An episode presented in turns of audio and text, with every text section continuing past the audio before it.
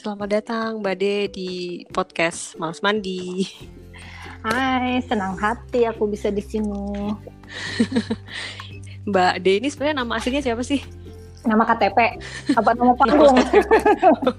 nama panggung aja deh, nama panggung. nama panggung D, cuma DE aja. D, DE gitu doang ya. Jadi kita terakhir ketemu itu kapan ya? Grand Indonesia tahun berapa ya? Aku mudik bukan iya, sih? yang sama Iya Sama kayaknya. Siska ya? Sama Mbak Siska itu. Itu tahun, tahun berapa ya Mbak ya? 2018 sih harusnya ya. 2018 ya? Mm-mm. Hmm, iya iya iya. Itu mudik sebentar terus balik lagi gitu ya? Mm-mm. Dua- eh 2017 atau 2018 ya aku lupa deh. Sudah lama. Iya, udah lama banget. Terus pertama kali ketemu juga di Grand Indonesia ya? Oh iya. Itu juga kita. Ya Waktu itu rame-rame sih, waktu masih banyak blogger-blogger. sama si Sekarang mah udah Cia, sepi bukan ya? ya. Sama sama Cia. Iya sama Ca, sama Baca. Sama banyak sih waktu itu Oh, kayaknya. oh. Siapa lagi ya? Yeye. Yang Mm-mm. Ada siapa Terus ya? Mbak siapa? Mbak siapa lagi ya? Sama yang sih. yang dari Australia Oh, itu, itu, kalau nggak salah. Tuh lupa namanya. aku. Terus ya banyak deh. Jadi gini Mbak, Jadi aku kayak mau nembak. kan Mbak Di tuh pernah tinggal di Qatar ya, kayak berapa lama gitu? Dua tahun. Kalau nggak salah dua tahun ya. Terus sekarang udah balik lagi ke Iya. Indonesia. Mm, terus iya sebagai orang yang belum pernah tinggal di ngerasain tinggal di luar negeri tuh penasaran gitu loh gimana sih suka dukanya tinggal di, luar negeri itu gimana gitu Mbak? Mungkin bisa cerita-cerita dikit? Eh, dukanya dulu di awal kali ya. Perjuangan jihad Boleh, boleh, boleh. perjuangan jihad administrasinya itu ternyata tidak mudah. Padahal kan cuma cuma kayak tinggal doang kan ya, bukan yang pindah ke warga negaraan. Iya, heeh. tapi kan untuk Hmm. tinggal itu kan eh, suami karena dia permanen dapatnya permanen employee, jadi dia dapat RP. Jadi resident Oh, permit iya, iya, gitu. Nah, Hmm, untuk hmm, dapat hmm. RP itu ternyata syaratnya memang banyak banget. Termasuk eh, yang ribet itu adalah surat pengantar dari kampus. Jadi eh, Oh, mereka itu nggak terima eh, satu nggak terima kalau online course. Jadi sekolah online tuh mereka nggak terima. Jadi dianggap gitu ya? eh, yang jarak Hmm. jauh apa misalnya walaupun ijazahnya Inggris tapi kalau itu sekolahnya bukan kita fisik datang reguler kelas disebutnya ya itu dia nggak diterima. Terus eh, juga bestseller eh, S1 yang di bawah empat tahun dia nggak terima. Iya pokoknya Gitu. masa pendidikan masa Oh, pendidikan iya, di bawah iya, empat iya. tahun tuh dia nggak diterima. Sementara Hmm. suamiku itu kan hobinya belajar. Jadi Hmm. dia eh, D3 terus eh, lanjut S1 terus S2 dari tiga kampus yang Hmm. berbeda gitu Bandung Oh. Jakarta jadi aku kalau dia pakai ijazah D3 kan kurang dari empat tahun Nggak Ah, bisa. Iya. terus kalau dia cuma pakai S2 dan S1 eh, kemarin tuh juga kurang dari empat tahun karena S1-nya dia Oh, cuma eh, iya, S2-nya dia cuma satu setengah tahun gitu. Wow. jadi jadi serba salah kan? Jadi aku harus legalisir dokumennya dia itu semua eh, ke tiga kampus itu gitu. Which is Depok Bandung. Depok Bandung Luar Jakarta. biasa ya. itu sih. Jihad administrasi dia. Punyanya dia sih yang ribet sih. Kalau punya aku sama anak-anak enggak. Oh kecuali anak-anak buat daftar sekolah itu kan kalau di sana harus ada riwayat imunisasi itu. nah, gitu. sementara anakku kan pindah ke sana umur 17 tahun dan umur Mm-mm. eh dia berapa sih? 11 tahun. Jadi eh, Hmm. minta riwayat imunisasi dari rumah sakit. Sementara rumah sakit bilang entah, Nah, di itu, mana jadi- gitu ya. ada sih dokumennya ada, tapi udah di gedung yang Hmm. sama gitu loh. Kebetulan aku kan di Oh. rumah sakit Premier Bintaro tuh Faira dari lahir sampai selesai imunisasi. Mm-mm. Tapi karena itu udah lewat dari 10 tahun, si petugas eh, medical recordnya harus ngambil dulu di gedung lain gitu. Gedung yang Hmm. adanya di Cikini gitu deh. Jadi jihad Oh, administrasinya oke. itu yang yang melelahkan gitu. Luar biasa Mbak Gosen ya. selama tiga bulan. Ini terus ada yang eh, kayak waktu di ITB ternyata yang tanda tangan uh, apa transkrip nilai kan mintanya kan semua in English kan jadi nggak pakai penerba, hmm. penerjemah tersumpah memang udah versi Inggris dari kampus gitu nah yang tanda tangan okay. transkrip nilainya itu waktu itu wakil direktur ternyata di Kementerian hmm. dalam eh, apa sih hukum dan ham imigrasi pun ada hukum dan ham. Nah ada spesimen ada list nama-nama orang yang tanda tangannya itu diakui untuk dilegalisir eh, legalisir gitu dokumennya si wakil direktur itu eh, wakil iya wakil direktur ITB itu tidak termasuk orang yang ada di dalam situ gitu Aduh. Jadi har, uh, transkrip nilainya harus dinotariskan. Notarisnya bukan notaris tanah sembarang notaris gitu, tapi notaris oh, yang gitu. memang di appointed sama uh, itu. Iya, itu ham hmm. gitu deh jadi ternyata sandungan-sandungan di situnya tuh banyak gitu. Pantas kan, kan dari awal gitu uh, ya. kan ditawarin agent kan ada agent yang, yang hmm. agent tuh nawarin sini deh bu 20 juta untuk uh, dokumen uh, satu keluarga empat orang. Hah 20 juta? Coba lah gue urus sendiri deh habis berapa sih? Gitu kan. Ternyata 10 juta itu memang ya, ya habisnya ya 10 jutaan juga gitu. Dan itu kan belum termasuk aku hmm. riwa-riwi sana sini Gojek Bajai dan lain-lainnya yeah, yeah, itu yeah. kan terus kereta Jakarta hmm. Bandungnya gitu. Ya. Ternyata iya, dua puluh juta itu segitu. harusnya oh, oh. worth it ya. Jadi gue bilang suami gue berarti selisihnya itu coba tolong dibayar mbak gosennya ya. Lumayan dapat tas bayar bayar ke nah, aja kan, lumayan kan gue dapat tas gue bilang gitu. Ketawa aja suami itu sih itu itu duka sebelum berangkatnya gitu. Kalau pas sampai sananya uh, smooth sih, uh, maksudnya prosesnya kan memang kalau pindahan barang-barang itu kan kargo memang dapat jatah dari kantor.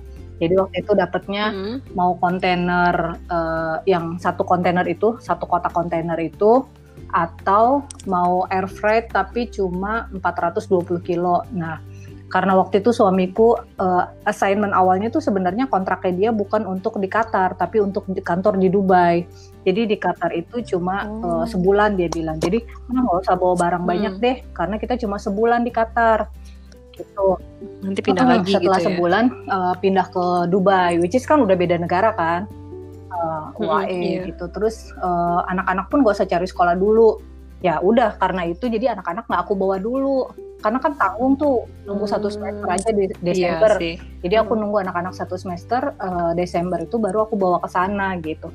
Ternyata pas uh, kita mau berangkat itu uh, Qatar diblokade negara tetangga.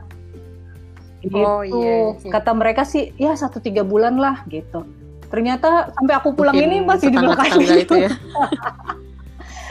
sampai sekarang masih dan kantor yang itu akhirnya kan nggak jadi. sekarang gitu. masih ternyata ya jadi di, ditutuplah si yang kantor Dubai jadi tetap oh, stay di iya, Qatar iya, iya. gitu.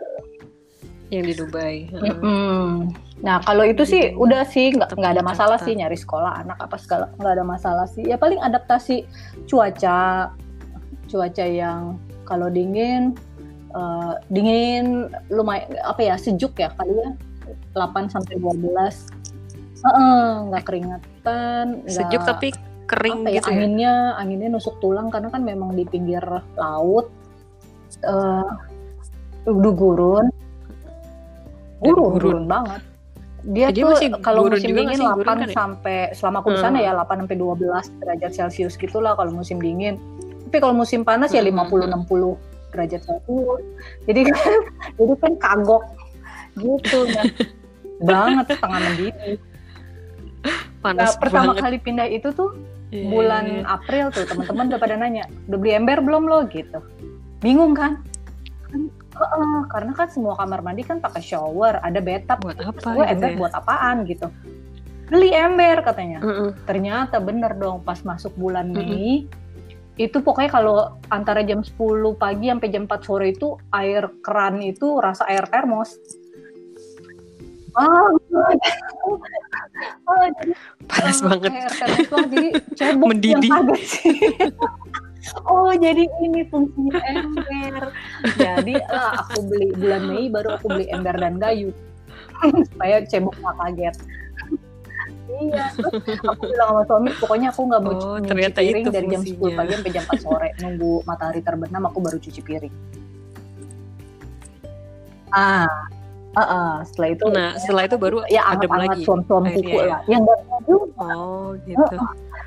masalahnya tuh suamiku tuh Nggak, udah nggak ya itu panas-panas sih banget ya. karena mindset di awalnya kan kita nggak lama di sini kita nggak lama jadi itu yang ditanamkan ke ke, ke keluarga ya ke Mm-mm. anak-anak ke aku jadi kita nggak lama di sini mau beli mau rumah mau Iya dihias-hias sedikit nggak usah kita nggak lama di sini gitu terus ya gimana ya? Gitu kan. Mau beli apa? Kayak beli heater. Jadi kayak ngapain beli Oh, iya, heater? iya, kita iya, nggak iya. lama di sini. Ya akhirnya dua tahun tuh kita tanpa heater. Jadi kalau pas musim dingin ya udah rebutan selimut di sofa rebutan selimut di kemeja makan pada bawa selimut gitu. Gitu deh. Kita nggak nggak oh, beli heater. gitu. Jadi nggak nggak ada Sama heater sekali. sama sekali Jadi ya, ya. Eh, AC doang AC Hmm. masalahnya kan di sana kan eh, AC itu paling kecil tuh satu PK ya kalau di rumah kalau di sini kan masih ada setengah PK di sana tuh jadi kan kenceng-kenceng banget kan Mm-mm. jadi justru kalau musim dingin kita Iya, iya. setel AC tuh 24 gitu Mm-mm. supaya adem eh, supaya adem supaya anget Oh, iya iya iya. iya. Heeh. akhirnya begitu ngakalinnya karena supaya nggak kita terlalu dingin gitu. kasihan ya. nggak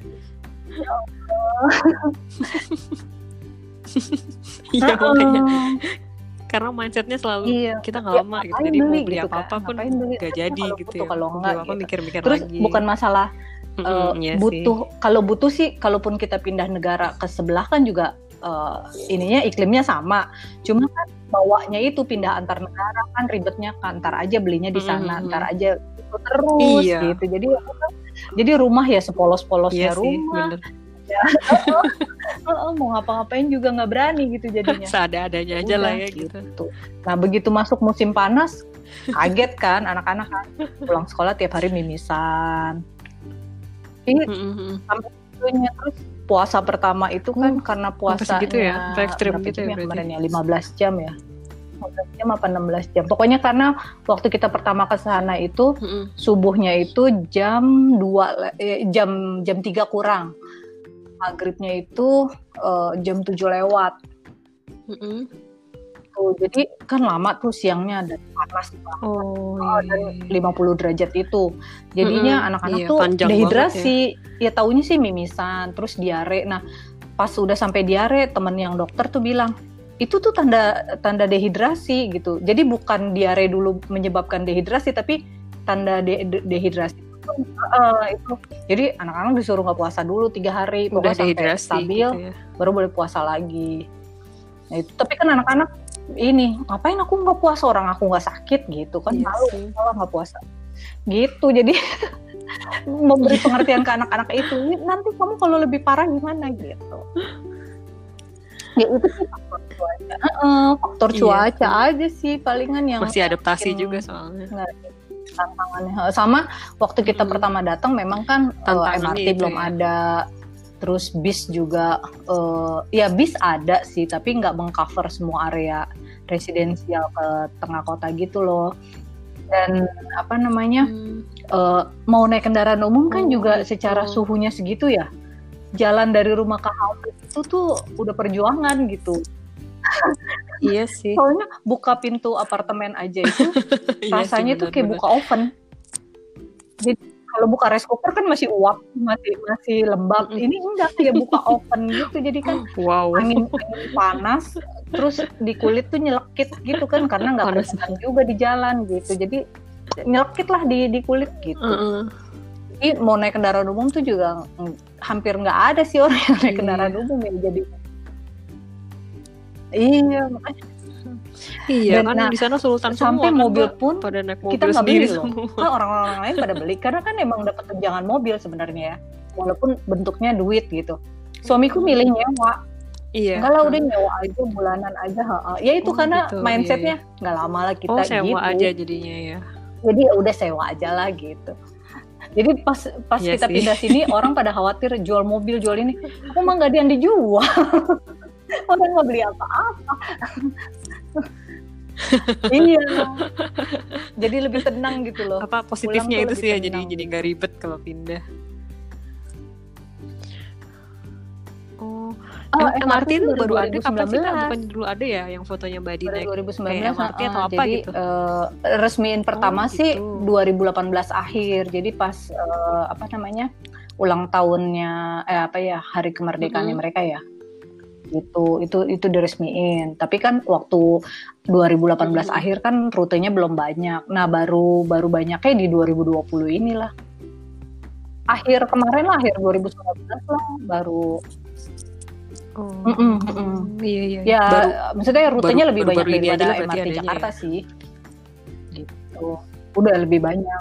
Karena ngejar itu apa Mm-mm. Piala Dunia. Hmm, udah kan lebih banyak mau ya jadi tuan rumah kan rutenya ya. 2020 berapa ya? 2022 Mm-mm.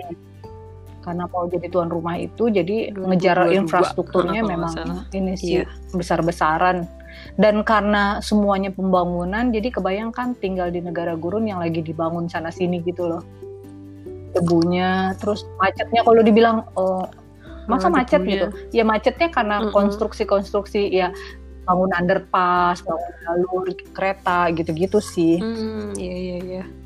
nggak separah Indonesia tetap Jakarta lah ya nggak nggak separah Jakarta Oh, oh, Tetap masih- lumayan lah Masih lebih gitu. rapi lah ya di sana ya. itu sih sukanya Nah, sukanya enaknya sih sukanya? karena di sana eh, penduduk aslinya cuma berapa ya 10% bisa dibilang karena dari dua setengah dari sorry dari 2,7 juta penduduk Hmm, tuh gitu. yang orang pribuminya itu cuma 300 ribu jadi 80 sampai 90 persennya memang pendatang. Jadi kayak Singapura gitu loh. Jadi bahasa yang digunakan ya bahasa Inggris.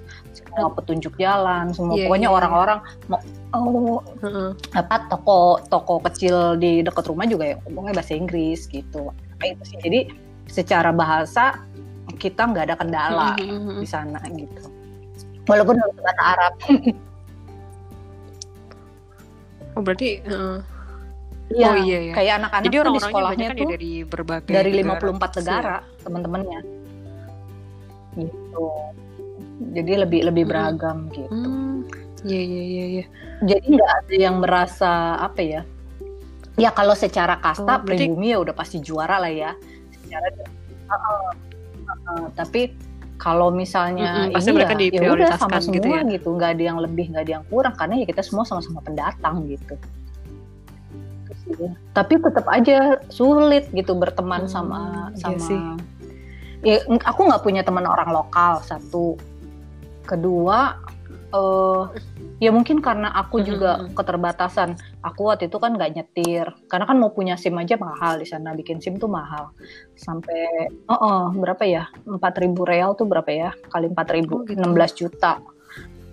Nah terus kata suamiku lu soalnya gini mau 16 bikin sim di sana itu kan harus kursus tiga bulan jadi sim sim Indonesia tuh nggak nggak di nggak berarti heeh. Oh, kalau iya, Malaysia iya, tuh iya. udah tinggal tuker aja nunjukin sim Malaysia laku dia ya? udah bisa langsung dikonversi dapat sim mereka gitu Heeh, tapi kalau Indonesia kamu harus ngambil kursus gitu Oh Jadi, wow, beda nggak ya. dipercaya walaupun half course tapi Nggak dipercaya nah masalahnya gitu ya. kursusnya aja tuh bayar 12 juta gitu. Nah jadi Hmm, kata suamiku Oke, lu udah duit semahal kursusnya 12 itu juta, terus lu mau 16 tinggal juta. nyetirnya mau berapa lama sih di sini? Gitu. Ya itu karena karena kepalanya isinya kita nggak lama di sini. Ah udah gua nggak usah punya itu mm, aja lah. mm, mm, mm. udah gue naik taksi aja ke mana-mana gitu. Oh, jadi aku iya iya. iya. enggak, Nah, enggak, terus sewa mobil sewa buat mobil suamiku itu kalau suamiku sih Pakai langsung driver atau gimana mbak? Heeh. kalau suamiku datang langsung Oh, kalau suami begitu suami punya kata ID dia langsung apply dapat SIM kursus juga ya. nyetir sama langsung tes gitu Dia butuh lah ya kalau suami kan utama Oh, oke. kalau aku kan Hmm. ngapain sih gitu terus anak-anak jadi ke sekolah tuh Iya sih, naik karena taksi anak-anak kita langganan langganan taksi yang dulu dia langganan suamiku sebelum punya mobil jadi kalau suamiku ke kantor itu tuh biasa naik taksi itu gitu kita telepon Hmm. aja Heeh, jadi anak-anak tuh pulang pergi ke sekolah naik itu jadi aku ya Jadi praktis langganan ya. nggak ngapa-ngapain gitu jadi nggak punya temen banyak juga sih paling Hmm. ibu-ibu Indonesia aja Iya. Mm-mm. Terus ketemunya juga ya kalau ya pengajian paling anak-anak orang kan Indonesia yang tinggal di situ gitu ya mbak ya. gitu itu aja sih yang Mm-mm. yang apa ya hikmah yang bisa aku ambil dari pergi ke sana walaupun cuma dua tahun sih bonding sama anak-anak karena kalau di sini kan anak-anak udah punya teman sendiri-sendiri ya terus eh, si Rafa kan juga udah punya SIM jadi kan kalau di sini kan dia mau pergi mau ke mana Mm-mm. dia naik motor naik mobil ya udah udah nyetir sendiri gitu tapi begitu- Ah, ah. tapi kalau di sana kan kita mau nggak mau berempat ke mana-mana tuh berempat pergi-pergi gitu sendiri aja gitu ya. mau ke mall berempat mau ke pantai berempat mau ini berempat gitu Mm-mm. Ya udah eh, jadi satu paket ke mana-mana jadi itu. Jadi ketergantungannya satu sama lain ya karena kita nggak punya siapa-siapa lagi di sana kan. Dan kalau ke mana-mana harus berempat jadi bondingnya lebih kenceng sih sama anak-anak. Dan Iya sih. iya untungnya pas di masa anak-anak yang biasanya lebih Jadi percaya lebih sama teman kan gitu kalau ya. umuran belas-belasan gitu di sini kan dia mungkin akan lebih percaya teman daripada sama orang tuanya gitu. Tapi karena di sana paksa adanya mak bapak aja doang ya udah jadi mau nggak mau ya udah sama kita gitu Iya sih. Terus lingkungan Mm-mm. mungkin temanannya juga nggak bisa ya sedekat itu kayak karena waktu di beda sini culture gitu ya.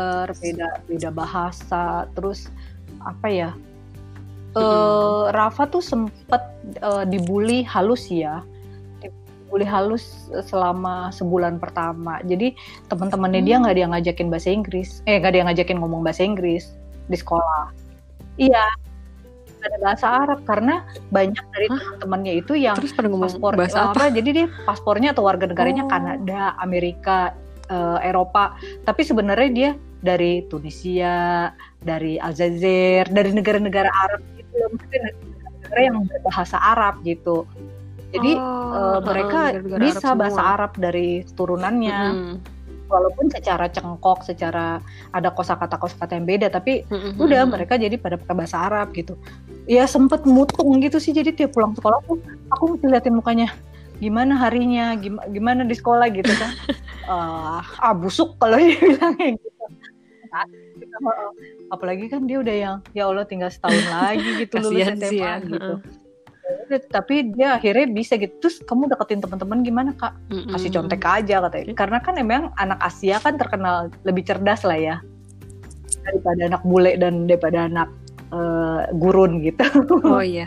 jadi dia kalau ada tugas dia kerjain difoto di mm-mm. itu disebarin tuh di WhatsApp grup eh, ini ya, temennya udah "Ah, keren gitu. Udah terus dia baik dia Ah, akhirnya temenin gitu doang.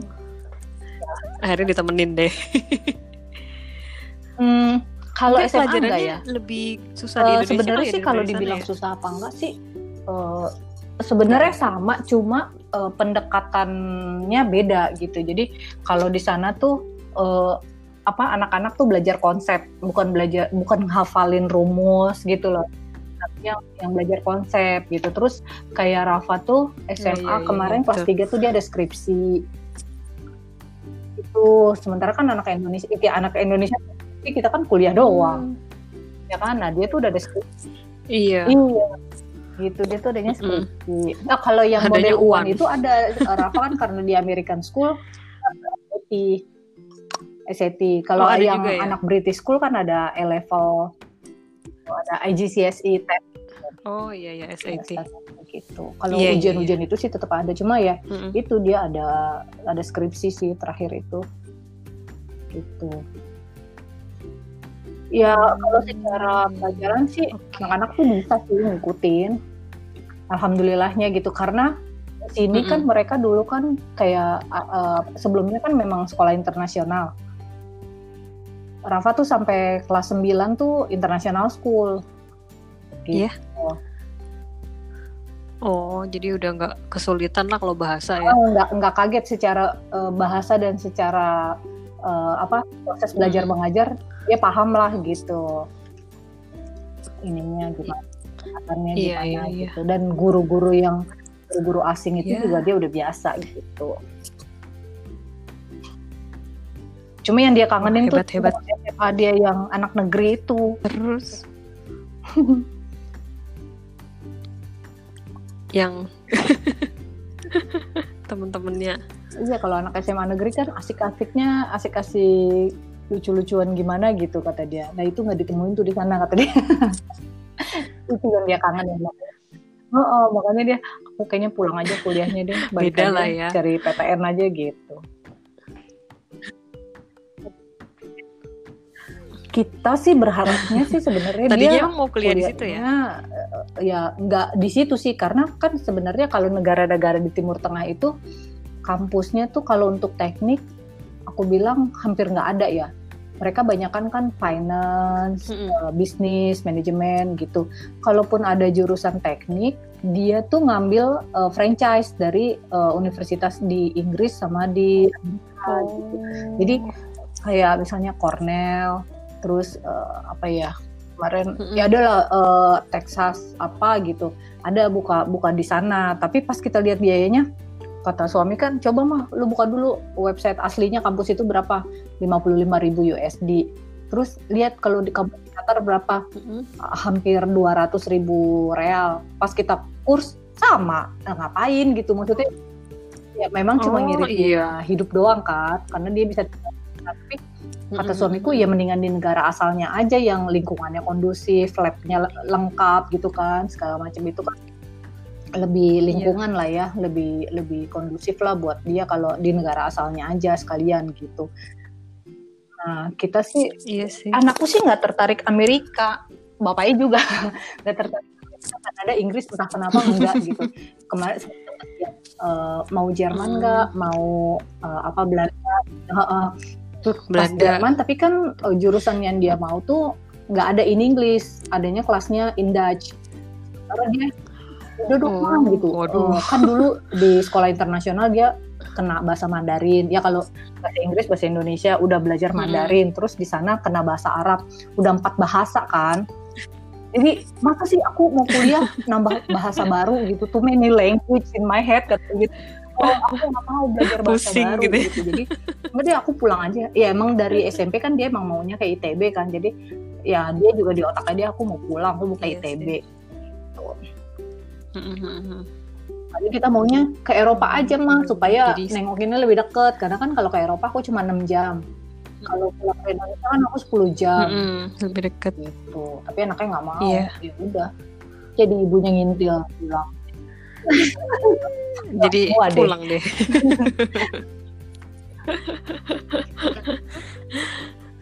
nah, terus bener gak sih Mbak kalau di Qatar itu iya, nggak ada pajak memang. penghasilan? Uh -uh. Nah, dia bener ya? termasuk ya? ya? Uh, kan kalau tetangganya udah pada kenain pajak tuh. Saudi udah ada, terus UAE juga hmm. udah terapin. Qatar Kat, uh, karena aja kemarin kan ya? juga pas blokade ya. Jadi kan pas blokade tuh pas negara-negara tetangga ngenain pajak kalau nggak salah sih ada pernyataan dari emir. Emir tuh kayak apa ya? Kayak presiden ya? Uh, pemimpinnya ya? Uh, rajanya yeah. itu emir bilang uh, dengan diblokade aja kan ekonomi udah susah. Dia nggak mau ngebebanin pajak lagi ke rakyatnya gitu. Kan tambah susah lagi nanti. Dan memang uh, apa namanya? Dalam Islam kan juga nggak ada pajak gitu. Jadi ya udah dia nerapinnya udah nggak ada pajak nggak ada pajak. Memang nggak ada pajak. Gitu nggak ada ya? pajak jual beli, nggak ada pajak penghasilan, hmm. ya nggak ada pajak. Nggak ada pajak apa pun. Benar-benar nggak ada pajak apa pun gitu, gitu ya. Oh, hebat hebat. Iya, memang hmm, negara kaya sih ya dia ya. Jadi nggak nggak perlu pajak sih. Ya, sekarang ya kalau orang pribumi nih. Uh, kalau uh, laki-laki sana dapat perempuan sana menikah terus otomatis dari hmm. negara hmm. dia dapat rumah dapat serumah kendaraan hmm. sepembantu ya kalaupun sekolah juga. kuliah ya pokoknya dia nunjuk mau sekolah di mana pun hmm. uh, itu ditanggung negara katanya di negara itu juga hmm, gitu. gitu. Makanya kan anak-anak sana banyak kan kan ke Eropa sama ke Amerika. Gitu. Iya. Itu soalnya oh, sampai umur 24. Ya? Mm -mm. Oh, sampai umur 24 itu ditanggungnya. Oh, suamiku sih oh. cuma sampai umur kemarin berapa ya? 18. Eh eh laki-laki sampai 18 kalau perempuan sampai 21 atau 24 ya gitu deh karena kan kalau perempuan masih hmm. tanggung jawab orang tua gitu Iya iya iya. -hmm. Sampai tak umur 21 berarti ya. Gitu. Oke. Terus kalau biaya hidup kalau di sana tuh biaya kalau hidup kan ya, tergantung gaya hidup juga ya Uh, sebulan. kalau iya sih. uh, Yang- gini kalau sebenarnya kalau secara penghasilan kayak suamiku lah ya dia dapat overnya tuh bisa empat Mm-mm. kali gaji Indonesia tapi untuk biaya hidupnya Mm-mm. masalahnya kita bisa dua setengah kali juga gitu dua setengah biaya sampai tiga kali juga gitu kan ya. biaya hidup di Indonesia juga gitu. Jadi eh, ya masih ada Hmm. sih jadinya sih yang bisa untuk saving itu. Ya jadi ngandelinnya Hmm. itu sih tujuan utamanya ke sana karena masih ada selisih. Dan Karena, Iya, mm. selisihnya lumayan lah ya. Dan kan. Anak-anak kan sekolah ditanggung. Kesehatan kan kita juga ditanggung. Kayak Iya. kesehatan tuh suamiku dapat plafon 2M ya per anggota keluarga per tahun Wow. per orang. 2 M tuh per orang ya? Ya, kalau di maksudnya kalau untuk bayar rumah sakit di Indonesia kan ya aku bisa foya-foya ngambil VIP kan VIP malah Iya benar. Heeh. Ngambil VIP. itu gitu ya kalau di sana sih sebenarnya segitu ya kelas 1 kelas 1 aja sih gitu Mm-mm. Oh, beda ya. Tapi pelayanannya tetap kalau di sana tuh berkiblatnya pelayanan ya itu kesehatan gitu-gitu. eh, ke Eropa sih lebih lebih ke Eropa jadi eh, apa ya semua kayak Hmm. appointment dokter ya UGD gitu-gitu ya berkiblatnya semua ke Eropa sih di sana jadi kayak misalnya mau ke dokter gigi ya appointment dulu nggak bisa kayak di sini ujuk-ujuk datang Hmm. Heeh, terus kayak Nggak bisa misalnya ujuk-ujuk kita kalau di gitu sini ya? kan kalau di Indonesia nih kayaknya sesak napas nih gue mau langsung ke spesialis paru di sana nggak bisa udah pasti ke general practitioner dulu Hmm. Minta rujukan dulu ya ke yang dokter umum gitu. gitu Ya, sih ke Eropa sih Oh, iya sih. Mm-mm. Terus apa namanya? Kalau di sana lebih banyak masak atau Eh, makan di luar, ya, Mbak? karena makanan yang dijual di sana cuma ada makanan Arab dan makanan ya kalau masakan Arab kan Arab India dan teman-temannya itu sama masakan bule kan steak pak burger gitu-gitu Heeh. ya anak-anak kan kadang kan kangen Iya, kan gitu-gitu. makanan sendiri ya udah jadi masak aku sih dan Mm-mm. eh, sebenarnya sih orang Indonesia yang jual banyak masak makanan banyak jadinya ya. cuma kan rasanya nggak sesuai ekspektasi kita gitu kadang tuh anak-anak kok katanya somai kok rasanya begini gitu kok pempek begini maksudnya mereka ngebayangin kan pempek sini kan Nggak mau. Heeh, jadi mah kayaknya mama bikin aja Iya. deh jadi ya udahlah aku masak gitu dan di sana tuh ada model GoFood dan Grab gitu tapi eh, namanya Talabat tapi datangnya lama banget kalau di sini kan kita pesen kan 5 menit 10 menit Nggak bisa diandalkan datang gitu kalau di ya. sana karena mereka kurirnya tuh Mm-mm. kurir dari restoran kan Mm-mm. kurir deliverynya itu Oh, Heeh, jadi kayak nggak bisa dipastiin gitu dia mau bisa ngantar sejam, jam bisa berapa sejam gitu ya. setengah. Kadang kalau kita pergi, misalnya kan aku pergi, terus mau eh, udah sebelum kita berangkat pulang tuh dari tempat tujuan kita udah pesen dulu supaya pada saat kita nyampe nggak lama makanannya nyampe. Udah ada gitu ya. Repot ya mending masak sih jadinya. Iya, jadi Walaupun udah masaknya juga masak jadinya gitu ya, Mbak. Ini apa eh, harus eh, substitusi bahan-bahannya juga gitu.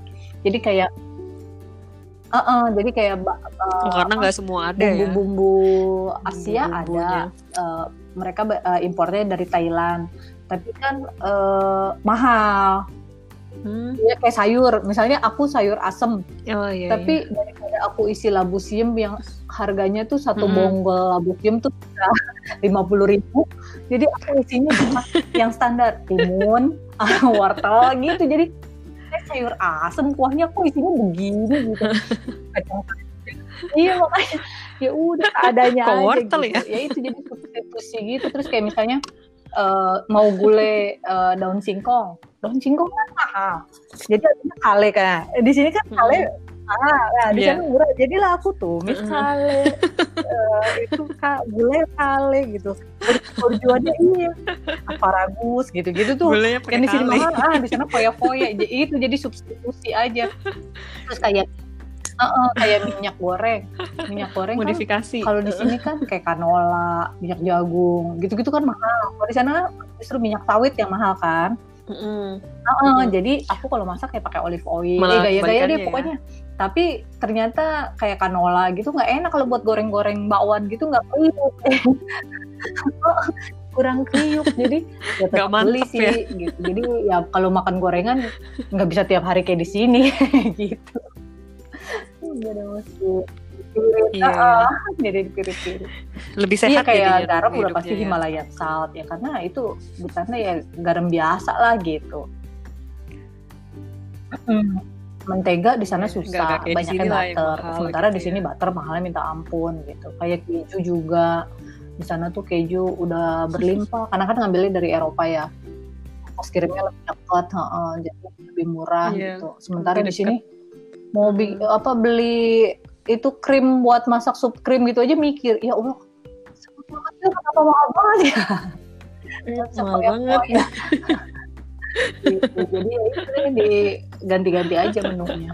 Iya. Mm, dengan bahan yang Di lebih murah. modifikasi modifikasi ya menunya. Pakai kayak buah. Ya udahlah puas-puasin gitu makan stroberi yang satu buletannya tuh segede jambu air di sini. Di sini dua ratus ribu sekilo. Hmm, yang gede-gede banget gitu ya. Ya udah, puas-puasin makan stroberi, jangan makan jambu air karena jambu air mahal yang tahu. Kayak Mm-mm. rambutan tuh cuma Jambu 10 air nanti aja butir kalau udah pulang gitu ya. puluh ribu gitu kan sakit hati kan jadi udah makan stroberi makan cherry makan pokoknya yang di sini Heeh. Kayak gitu uh, Oh iya, cherry yang di juga. sini mahal. Udah di sana makannya itu aja buahnya. Nggak ada makan rambutan makan mangga nggak ada enak aja mahal. Udah makan sakis yang murah-murah aja. Mm-mm, anggur tuh murah banget dan lebih enak kan. Anggur. gitu. Ya udah pinter-pinteran kita Iya. mengatur ini aja sih. Eh, Wah, apa mengganti bahan-bahannya aja. Iya, iya. Yang ada. nah, ngerasain oh, berarti kemarin sempat ngerasain lebaran di sana ya? juga ya, Mbak? ya? tiga lebaran ya eh dua dua dua lebaran Mm-mm. kalau Dua, ya? lebaran Itu di sana suasananya yang gimana, rame Mbak? idul adha kalau idul fitrinya eh, sepi karena orang kan fokus ibadah tuh selama satu bulan Sepi, ibadah ya. jadi mereka begitu idul fitri tidur bayar tidur karena kan gini Hmm. kalau di sana kan eh, kehidupannya tuh setelah traweh Oh iya. jadi kita pertama Ramadan di sana kan gaya nih uh, weekend nih pap kita buka puasa di luar yuk gitu ya Mhm. berasa biasa di Indonesia kan malam kita udah berangkat oh nanti tempatnya penuh gini-gini Iya, ngantri iya, iya. biasa lah ya kayak di Jakarta gitu. Sana Mhm. semua Rebutan kursi tutup. gitu ya. yang buka paket sampai isak habis isak baru buka jadi kita buka puasanya minum aqua doang. Oh, karena gitu. belum ada buka. Habis itu oke Karena besok lagi nggak ada kita buka puasa di luar. Jadi ya adanya sahur bersama. Karena biasanya orang ke supermarket ke mall tuh habis teraweh. Terawehnya itu benar. Ya, Jadi karena benar-benar panas juga kan. pagi sampai siang tuh di rumah Oh, aja gitu ya. gitu kan. Mau ngapain keluar gitu. Karena panas jadi ya. di sana itu toko baru pada buka setengah delapan pokoknya abis, abis isa eh ya menjelang isa. Nah Mhm. eh, orang tuh ramenya ke mall itu abis traweh. Jam 10 setengah 11 tuh jadi aku tuh kalau mau belanja sayuran gitu-gitu kan aku seminggu sekali kan. Eh, nah itu seminggu sekali jadi aku berangkatnya Mhm. itu ya jam setengah sebelas malam jam 11 malam gitu. Pokoknya selesai terawih aja ke sana. Nah habis belanja belanja belanja nyampe rumah kan setengah satu. Udah harus masak subuhnya jam 3 jadi jam 2 ya kan Iya. jadi gitu jadi Iya, jam mau tidurnya sahur tuh ya. jadi berubah makanya udah Mhm. mm, siang tidur tapi Jadi siang terbalik ya. kagok juga jadi anak-anak sekolah anak-anak kalau habis sahur jam 3 mereka pada tidur kan Sampai jam Mhm. 7 ini eh, apa jam 7 sekolah Mhm. lah kalau aku ikut tidur yang bangunin mereka siapa jadi Iya, jadi akhirnya abis sahur itu kalau mereka semua. semua yang uh, bapaknya tidur, anaknya tidur, ya aku nyetrika apa gitu kan, beresin rumah. Ntar mereka berangkat sekolah, uh, aku baru ini apa Mm-mm. tidur gitu. Karena kalau jam uh, Ramadan juga jam kantor tuh lebih sedikit juga, jam 2 tuh udah bubar. Mm-mm, jam 2 tuh udah pulang. lebih, pe- lebih pendek ya. Suamiku Oh. asar tuh udah jamaah di rumah Hmm, hmm, gitu. Sholat asar tuh di rumah gitu. Makanya jadi kehidupannya Hmm. kan kebalik. Nah, abis lebaran mereka semua kan tidur semua gitu. Iya iya iya. Berarti jam buka Malam. mallnya juga dan memang kayak pom ya, bensin waktu apa Ramadan itu udah ada ya. himbauan tuh kalau musim panas tuh udah dapat SMS kita dari government. Jadi tidak disarankan isi bensin siang hari Mm-mm. itu karena pernah ada uh, meledak apa gitu-gitu. Terus jangan ada Oh. kaleng di dalam mobil pada saat musim panas kayak gitu-gitu. Mm-mm, jadi sama Karena ini megang setir aja tuh ya. suamiku panas banget kan uh, si gagang setirnya itu jadi pakai anduk. Heeh. Pantesan kok kita kenapa sih Dialasin mobilnya anduk. orang-orang dashboardnya kok pada kayak ada karpet-karpet gitu kan ternyata oh ya panas banget kacamata dong kacamata dong meleot Karena memang taruh di tinggal ke kantor Aduh. Suamiku balik balik kan ya masuk kantor kan pagi balik keluar kantor ya melewat dan Kacamatanya. udah nggak lagi deh naruh kacamata di Meleleh. dalam mobil tuh nggak Nun.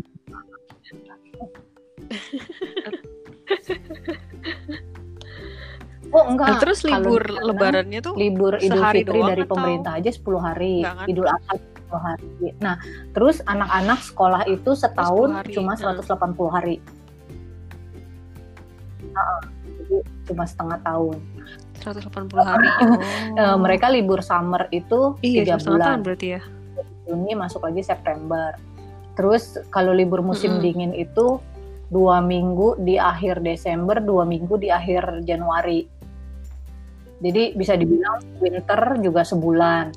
Mereka tiap mid Oh. semester break juga mereka libur dua Mm-mm. minggu, dua minggu gitu. Jadi emang emang banyak liburnya. Nah, tapi jadinya kan kita enak kan bisa manfaatin mudik tuh beneran total tiga bulan gitu. Selama anak-anak sekolah ah, libur sayangnya sayangnya jatah suami liburnya ya setahun cuma ya sebulan liburnya. Hah. Cuti yang Oh, cuti iya dia sih. Jadi jatah bisa pribadi ya bareng-bareng. tapi dia suka pepet gitu kayak suamiku kemarin jadi Idul Fitri Mm-mm. sampai Idul Adha kan karena Idul Fitrinya 10 hari Idul Adhanya 10 hari di tengah-tengah bulan kan Oh, Pas iya kan? sih. jadi pulangnya bisa satu setengah Mm-mm. bulan Mm-mm. Mm, jadi kadang eh, kita berangkat duluan Hmm, nih, aku bawa anak-anak ya. berangkat duluan, nanti dia nyusul, ntar dia pulang duluan juga, kita pulangnya terakhir gitu setelah anak-anak mau masuk. Jadi di sana tuh banyak jomblo summer dibilangnya. karena biasanya nggak cuma yang Indonesia, karena yang dari negara lain pun Jomblo gitu. Pada pulang kampungnya pada saat eh, anak libur sekolah, kenaikan kelas itu gitu. Ya supaya puas kan tiga Mm-mm. bulan gitu. Hmm, tapi itu juga yang bikin bingung rumah di Jakarta Biar diapain puas, ya gitu kan tadinya temen ada temen yang mau renovasi rumahnya gue ngontrak deh di rumah lo. Ih rumah gue masih banyak barang. Nggak apa-apa gue bawa koper doang. Terus kata suamiku ntar kalau lo pulang bulan mau ke mana? Gitu kan. Kami juga bilang kan Terus udah kalau eh, liburan sebulan di rumah Iya. mami eh, sebulan di rumah mama kata dia gitu kan gua kata anak-anak lah teman-teman aku kan di BSD ngapain aku liburan Hmm. di nggak di BSD gitu. Karena mereka kan karena udah remaja kan bonding sama teman-temannya udah udah ada kan.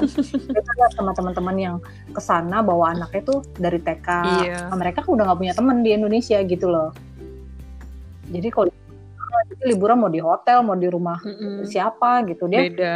Ya nggak ada masalah. Tapi kalau anak-anakku karena ke sananya udah pada remaja jadinya udah punya temen nggak mau liburan nggak di rumahnya sendiri gitu. Jadi rumahku tetap tetap ya as it is gitu. Kita kontrak. Ya soalnya sih. mau bayar hotel tiga bulan kan belum juga ya udah mending di rumah sendiri Ngeri aja. juga sih mobil ya. juga aku akhirnya nggak aku jual semua tuh waktu berangkat kan ada dua mobil satu aja jual satu lagi aku titipin adekku jadi kalau aku mau mudik aku telepon pokoknya tanggal segini lo bawa mobilnya ke airport gitu supaya pas liburan tiga bulan kita ada mobil nggak nyewa gitu jadi ya udah jadi punya dua Iya sih. rumah dan yang harus dijaga. Terus kalau di Qatar itu tempat wisatanya apa sih? Kan kayaknya Qatar tuh biasanya orang cuma transit doang gitu loh, Mbak. Ada di tempat Qatar wisata? tempat wisatanya gitu ya safari gurun karena eh, di Qatar sih memang kan eh, infrastrukturnya Iya, iya. dibikin bagus ya tapi kata, kalau kata suamiku ini kita jadi kayak kosmetik gitu loh Eh, apa ya namanya cantik tapi buatan semua gitu. Ya kan? Jadi nggak nggak alami pemandangan apa. Mm-mm. sekarang tuh Iya, iya. ada eh, namanya culture ada yang village alami. Katara. Itu dibikin sungai dibikin ini. Tapi itu kita tahu itu kan bohongan gitu. Ya paling kayak gitu. Jadi tapi kan taman-taman itu bagus. Terus ada acara apa misalnya eh, festival layang-layang lah Iya. festival eh, apa sih lampu-lampu gitu. Terus eh, banyak banyak acara. Terus kayak perpustakaannya juga kan bagus National Library-nya. Jadi kita kalau liburan kita memang menghindari mall. Kita manfaatin gitu. dan memang keluarga Indonesia tuh di sana kayak Oh. yang perkumpulan orang Indonesia di kantor suamiku tuh memang ada pertemuan tiap bulan kan. Jadi tiap bulan itu kumpulnya kalau nggak di taman di pantai gitu ya udah jadi Hmm. kita ngumpulnya ketemu di pantai ketemu di taman gitu. Potluck. Jadi nggak ada yang rumah siapa gitu enggak jadi kita ketemuan di luar. Gelar tikar oh kita biasa gelar tikar eh, gelar makanan. Menu udah Oh. nih sama ibu-ibu di grup misalnya. "Eh, besok sayur, eh, misalnya nasi liwet sayur asem gini-gini. Nah ntar yang sayur asem siapa ya nasinya siapa lauknya siapa gorengan siapa gitu. Ntar. oh, gitu jadi di mobil tuh selalu ada eh, Ah. tiker tiker piknik itu Iya, iya, iya, iya. lipat yang camping meja lipat tuh biasanya ada tuh di mobil sama kalau orang-orang malah sampai tenda Mm-mm. karena suka eh, apa eh, camping tenda. di gurun enaknya sih karena Qatar di pinggir Oh, laut jadinya Iya, ya iya, iya, iya. kita dapat pantai dapat gurun Mm. Mm. Mm, Dapat dua-duanya ya. Paling itu aja pikniknya sama ya sekarang kan dibikin Hmm, memang bangunan-bangunan yang ala-ala Eropa Iya sih. lah apa ya kayak gitu Iya. Iya, iya, iya. Yang kayak gitu ya. Terus selama di sana tuh ada pengalaman enak rasis- itu nggak sih mbak? Kayak nah, rasisme atau kalau apalah teman-teman orang Indonesia biasanya tuh kalau yang ibu-ibunya disangkanya TKW, misalnya pembantu rumah tangga itu adalah beberapa yang pengalamannya kayak gitu. Nah aku karena udah tahu pengalaman gitu, gitu. pokoknya gue kalau keluar rumah harus cakep. jangan pakai bergo, jilbab tuh ya, jangan pakai bergo. ya, ya paling nggak Oh itu sih nggak Nah, susah kalau buat bade Eh, ya. karena sudah cakep. sobekan mukaku agak ke Arab-Arapan juga kan seringannya kalau misalnya pas pakai pas pakai abaya gitu Mm, mm, mm. gak ada yang ngajakin ngomong bahasa Inggris Betul tuh betul. kalau suamiku dituduhnya orang Filipin kalau aku dituduhnya orang lokal jadi kalau di supermarket ke dia oh, ke dia ngomong Iya. bahasa Inggris ke aku pakai ngomong bahasa Arab gitu terus tinggal aku bengong Dikira aja orang "Ah, lokal. maksudnya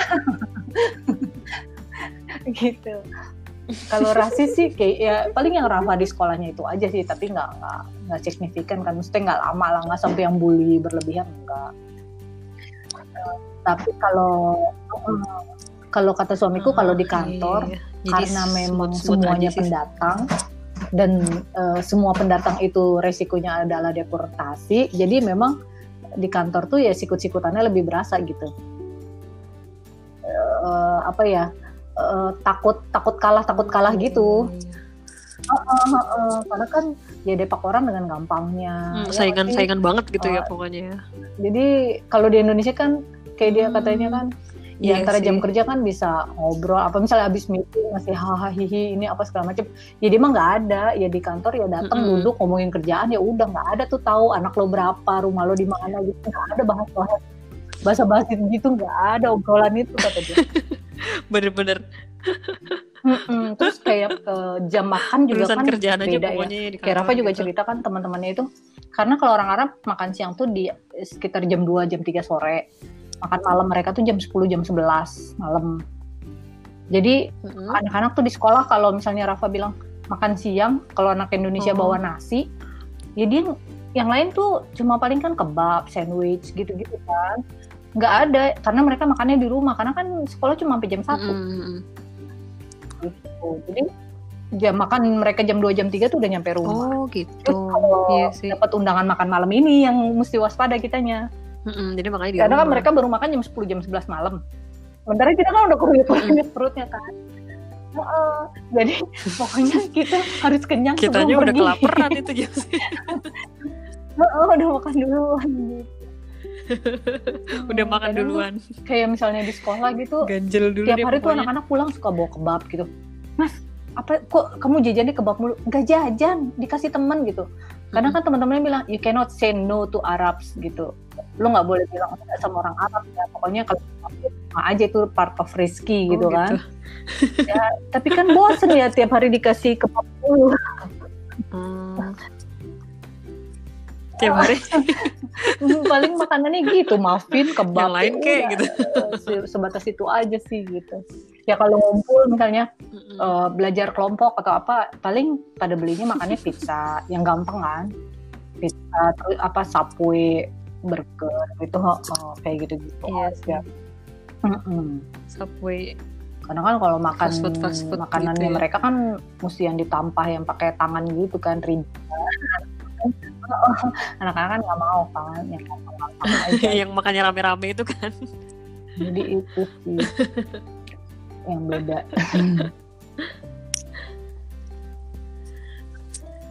Yang beda itu ya. Terus dulu tuh yang pas awal-awal Qatar di blokade itu 2017 ngaruh ya, banget ya. karena ki- Itu tuh eh, ngaruh Qatar banget itu kan nggak sama- punya produksi sendiri terhadap barang-barangnya ya. Mereka kan, eh, kan banyak kan ngambilnya dari Saudi kan. Kalau kayak makanan, susu, semua ya. roti itu kan dari Saudi. Terus kayak apa sabun, sampo gitu kan Saudi yang udah lebih punya industri model si Wings Food apa Unilevernya gitu-gitu kan. Nah, itu blokade kan mereka kan kita nggak bisa ngambil karena kan blokadenya Iya, beneran iya. darat laut udara kan. Nah, untungnya si pemimpin negaranya itu langsung Mm-mm. sama Turki gitu bikin bilateral agreement gitu jadi disupportnya dari Turki. Nah awal-awal tuh bingung juga kan karena sampo apa sabun Dari itu kan Turki. tulisannya kan bahasa bahasa Turki.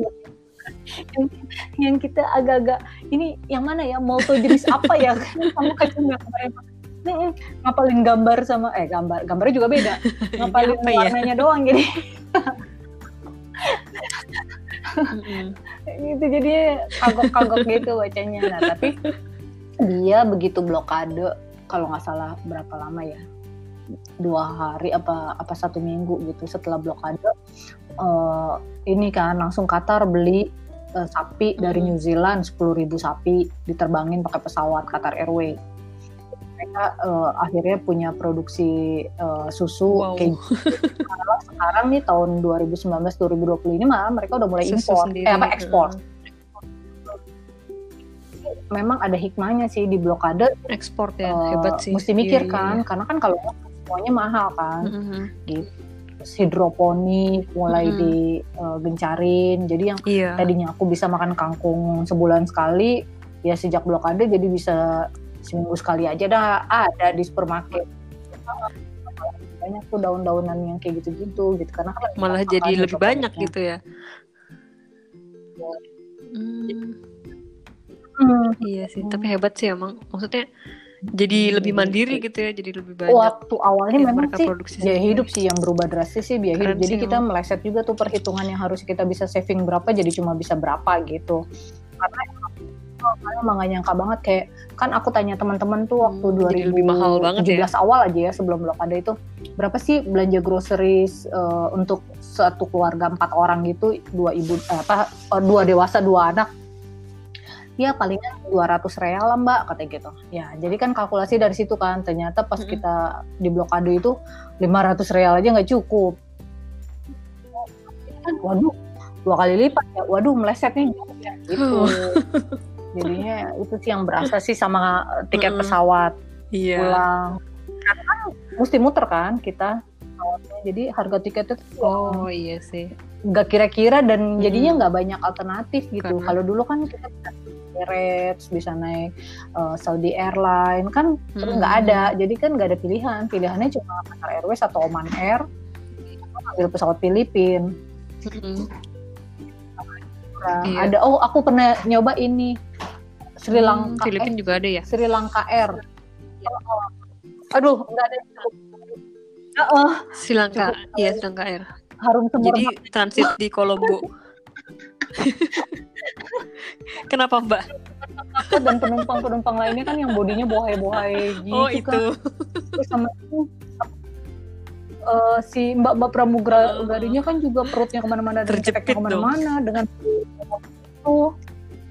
Oh, kalau lagi ngurusin bagasi orang nutup-nutup atas bagasi kan semerbak. Sekali aku bilang, emosi selisihnya lumayan ya. Aduh Aku aduh aduh. aduh. itu selisih kemarin tuh selisih berapa ya? 15 juta Tapi tersiksa. anak-anak. Ya kan mikirnya kan langsung konversinya rupiah kan. Kita selisih 15 juta di Hmm. Jakarta kita udah bisa buat liburan ke ini gitu Hmm. loh. Kita bisa buat ke Jogja, ke mana gitu kan. Lumayan tuh gitu ya. Liburan gitu. Ternyata di perjalanan, Mama, udah ya, Ma, cukup ya, Ma. Anak-anak pada lagi ya, Ma. Gak mau lagi ya, udah cukup ya sekali. Nggak mau lagi. nggak Masalahnya kan lagi. kita pulang kan nggak sama papahnya kan. Papahnya mah uh, papahnya tuh ngambilnya ya Qatar Airways yang direct orang dia sendiri. bertiga aja ya. Sementara kita babak belur. Papa nih ngiritnya Mm-mm. buat kita. Iya. ya kalau sebenarnya sih kalau secara dana liburan sih dari kantor suami ada tunjangan alhamdulillah. Jadi dia tuh dapat jatah eh, setiap anggota keluarga ya Mm. di rumah. Berarti kan kita kali empat dan itu dapatnya harga tiket termahal dari Doha ke mana gitu. Misalnya tahun kemarin harga tiket termahalnya dari Doha ke Kanada. Itu berapa harganya? Berapa USD nah ya udah dapat dikali empat. Hmm. walaupun kita pakai Ah, walaupun kita pakainya ke Indonesia kita pakai gua dapat jatahnya segitu Dapatnya oh gitu. dapatnya segitu. ya jadi kan kita menghemat-hemat supaya ada selisihnya gitu kan Hmm. pakai buat yang lain buat tambahan liburan di Indonesia bisa buat ke Bali Iya, ke mana iya, betul. Mm, makanya tuh pas pulang terakhir kan kita ngeliat kan Hmm, lah. tiket Jaka eh, Doha Jakarta Doha itu aku berempat waktu itu berapa ya misalnya oh 18.000 real terakhir tuh 2019 terus kalau naik Oman Air eh, 15.000 real. Oh selisihnya lumayan kan? 2.000 real gitu. 2.000 real kan eh, kali 4.000 8 juta ya kan? Terus kita lihat Turkish Airline eh Turkish cuma 11.000 10.000 sekian Mm-mm. malah. 10.800 nih nggak sampai 11.000 real gitu. Yaudah deh kita naik Turkish Airline aja deh. Nah jadi selisih 11.000 ke 17.000 nya itu kan lumayan kan ada 6.000 Mm-mm. ribu realnya itu kita buat liburan di Turki 10 hari gitu Iya. walaupun jadinya lebih jauh sih kok malah mundur Oh iya. jam iya, nyampe malah 13 jam tapi kan lumayan gitu mau pulang kok malah mampir dulu yang jauh gitu ya. ya mem- Iya. ini sih berharapnya sih pengalaman dua tahun kemarin memperkaya wawasan anak-anak pengalaman hidup mereka gitu. Dan mereka jadi yang berani untuk Mm-mm. eh, apa ya bersaing dengan orang yang bukan dari negaranya gitu loh. Kalau dulu kan mindsetnya anak-anak kan ih kalau orang bule pasti lebih hebat gitu-gitu kan. Tapi kan ternyata setelah mereka di sana ah ternyata nggak ada apa-apanya juga Iya kok sih, sama heeh, aja betul. nggak bisa kok lebih dari mereka gitu jadi Mm-mm. mereka temannya bisa kan dari kok, 54 gitu ya. negara jadi dia udah tahu kan dibanding ini kan negara lain Iya, oh iya. negara lain juga biasa-biasa aja kok gitu Mm-mm. Hmm, jadi nggak takut sama yang superior gitu Kita bisa kok sebenarnya gitu ya. itu yang petik sih ternyata dari Iya. ya kayak suamiku juga kan Betul, kalau betul, itu eh, penting. persaingan kerja kan eh, ya gitu deh jadi kok di kantor ya ternyata juga orang Indonesia juga pinter-pinter kok bisa kok gitu Kita juga punya nilai jual gitu jadi pede lah lebih pede lah gitu mm-mm. Hmm. Mm-mm. Iya, biar nggak Dan merasa inferior kalau anak-anak sekolah ya. di sini kan selama ini kayak eh inferior kalau sekolah di Eropa bisa negeri nggak ya itu ya. gitu kan ya siswa mesti ini tapi begitu mereka di sana oh, ini banyak kok gitu Mm-mm, oh ternyata gue pakai nilai gue bisa kok gue pakai ini bisa gitu lebih nggak takut gitu untuk mencoba sesuatu yang baru gitu. Dan dia mereka merasakan Iya, bahwa Mm-mm. eh, menjadi minoritas dan apa ya tinggal di negara yang di anta berantah siapa sih yang tahu Qatar gitu kan? Orang pasti nyangka lu di Arab ya? Iya Arab ternyata ada 30 negara Mm-mm, gitu kan. Pokoknya orang yang tahu oh, oh, pokoknya tahu di Arab aja gitu. Ya tahunya suami TKI aja, mah pokoknya. gitu. Istrinya TKI doang anaknya TKI gitu. Itu jadi ya itu sih hikmah yang bisa diambil sih selama dua tahun di sana. Tapi sih kalau dibilang lama enggak lama sih untuk tinggal di Iya. negara orang tuh dua tahun tuh belum apa-apa ya. Belum mengenal dalam lah sebenarnya akan culture akan ya adat istiadatnya belum belum tahu banyak lah. Masih adaptasi sebenarnya Mm-mm. ya meninggalkan bekas Iya, lah Tapi ya cukup sih pengalamannya ya lumayan lah gitu ya gitu. Mm-mm. Iya. Terus enggak rencananya berarti Eh, eh, suamiku suami masih lama ya mbak ini lagi ya? udah apa proses eh, dia malah sekarang lagi terima notis dia insya Allah terakhirnya 31 Desember ini balik lagi cuma untuk Oh, beberes gitu. Jadi nanti balik lagi. gitu jadi dia balik ke sana untuk Hmm. nutup apart apa kontrak apartemen untuk nutup eh, listrik telepon internet rumah Mm-mm. nutup akun bank gitu-gitu sih administrasi exit clearance ya gitu Mm-mm. lebih untuk itu Pokoknya dia pokoknya itu. terakhir tuh 31 Desember terhitungnya Mm-mm.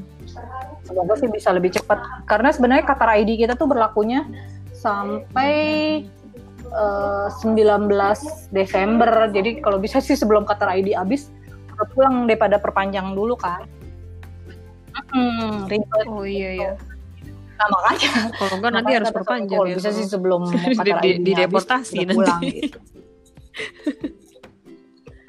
gitu.